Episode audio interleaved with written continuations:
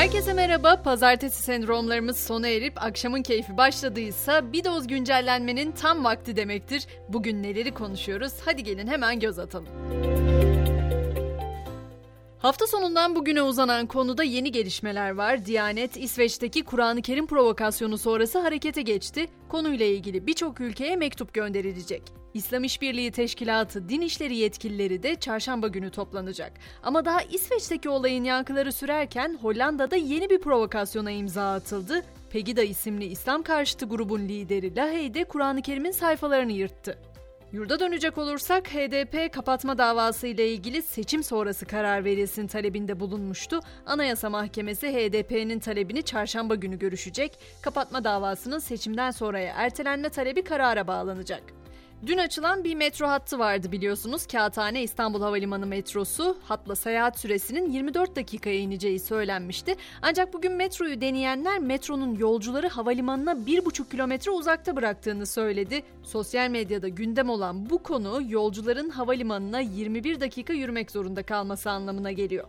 Çokça konuşulan konulardan bir diğeri de Ankara'da simidin 7 lira olmasıydı ama İstanbul Fırıncılar Odası'nın ekmek zammının Şubat'ta görüşüleceği iddiaları da bir o kadar gündemden düşmedi. İşte o iddialara Fırıncılar Odası Başkanı Balcı'dan yanıt geldi. Yanlış anlaşılma olduğunu söyleyen Balcı, görüşme de yok, zam da dedi.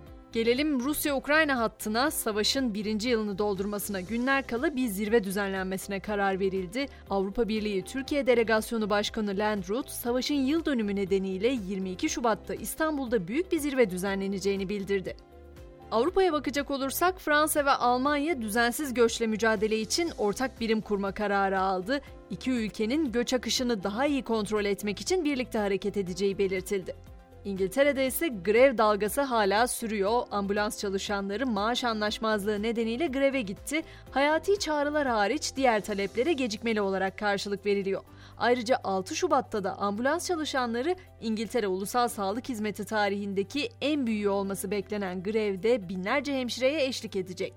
Hazır sağlık demişken Çin'e de uzanalım. Biliyorsunuz orada da Covid-19 hala gündemin ilk sıralarında. Çin'de salgın tedbirlerinin kalkmasından sonra ay takvimine göre ilk yılbaşı kutlandı.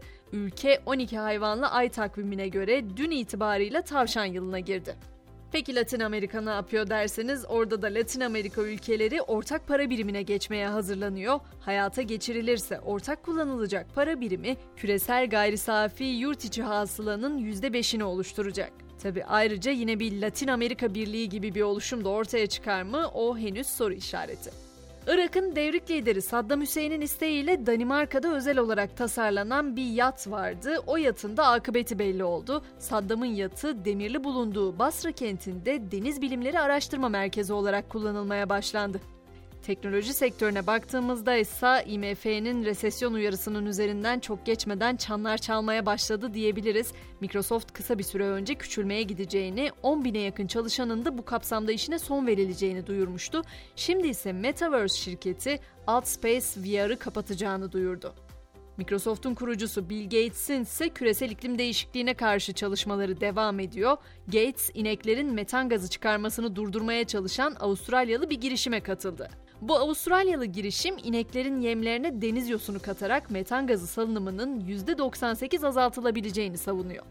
Eminim hayranları durumunu merak ediyor. Marvel dünyasının Hawkeye'ından söz ediyorum. Kar küreme aracının altından sağ kurtulmayı başaran ve tedavisi evde devam eden Jeremy Renner sağlık durumunun söylenenden kötü olduğu ile ilgili haberlere açıklık getirdi. Renner 30'dan fazla kemiğim kırıldı dedi.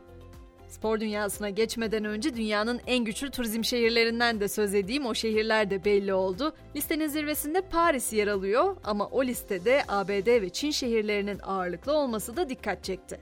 Spor dediğimizde Süper Lig'de 20. haftanın bu akşam iki maçta tamamlanacağını söyleyeyim. Günün öne çıkan mücadelesinde Fenerbahçe Ümraniye Spor'a konuk olacak. Mücadelenin başlama saati ise 20.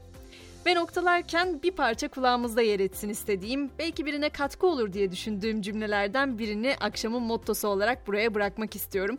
Bu kez sevilme üzerine olacak bu söz. Çoğu zaman istiyoruz ki herkes bizi sevsin ama şunu unutmamamız gerekiyor galiba. Ağaçtaki en tatlı şeftali olabilirsin ama bazı insanlar şeftali sevmez. Yarın sabah saat 7'de ben yine buradayım. Sizi de bekliyor olacağım elbette. Görüşünceye kadar hoşçakalın.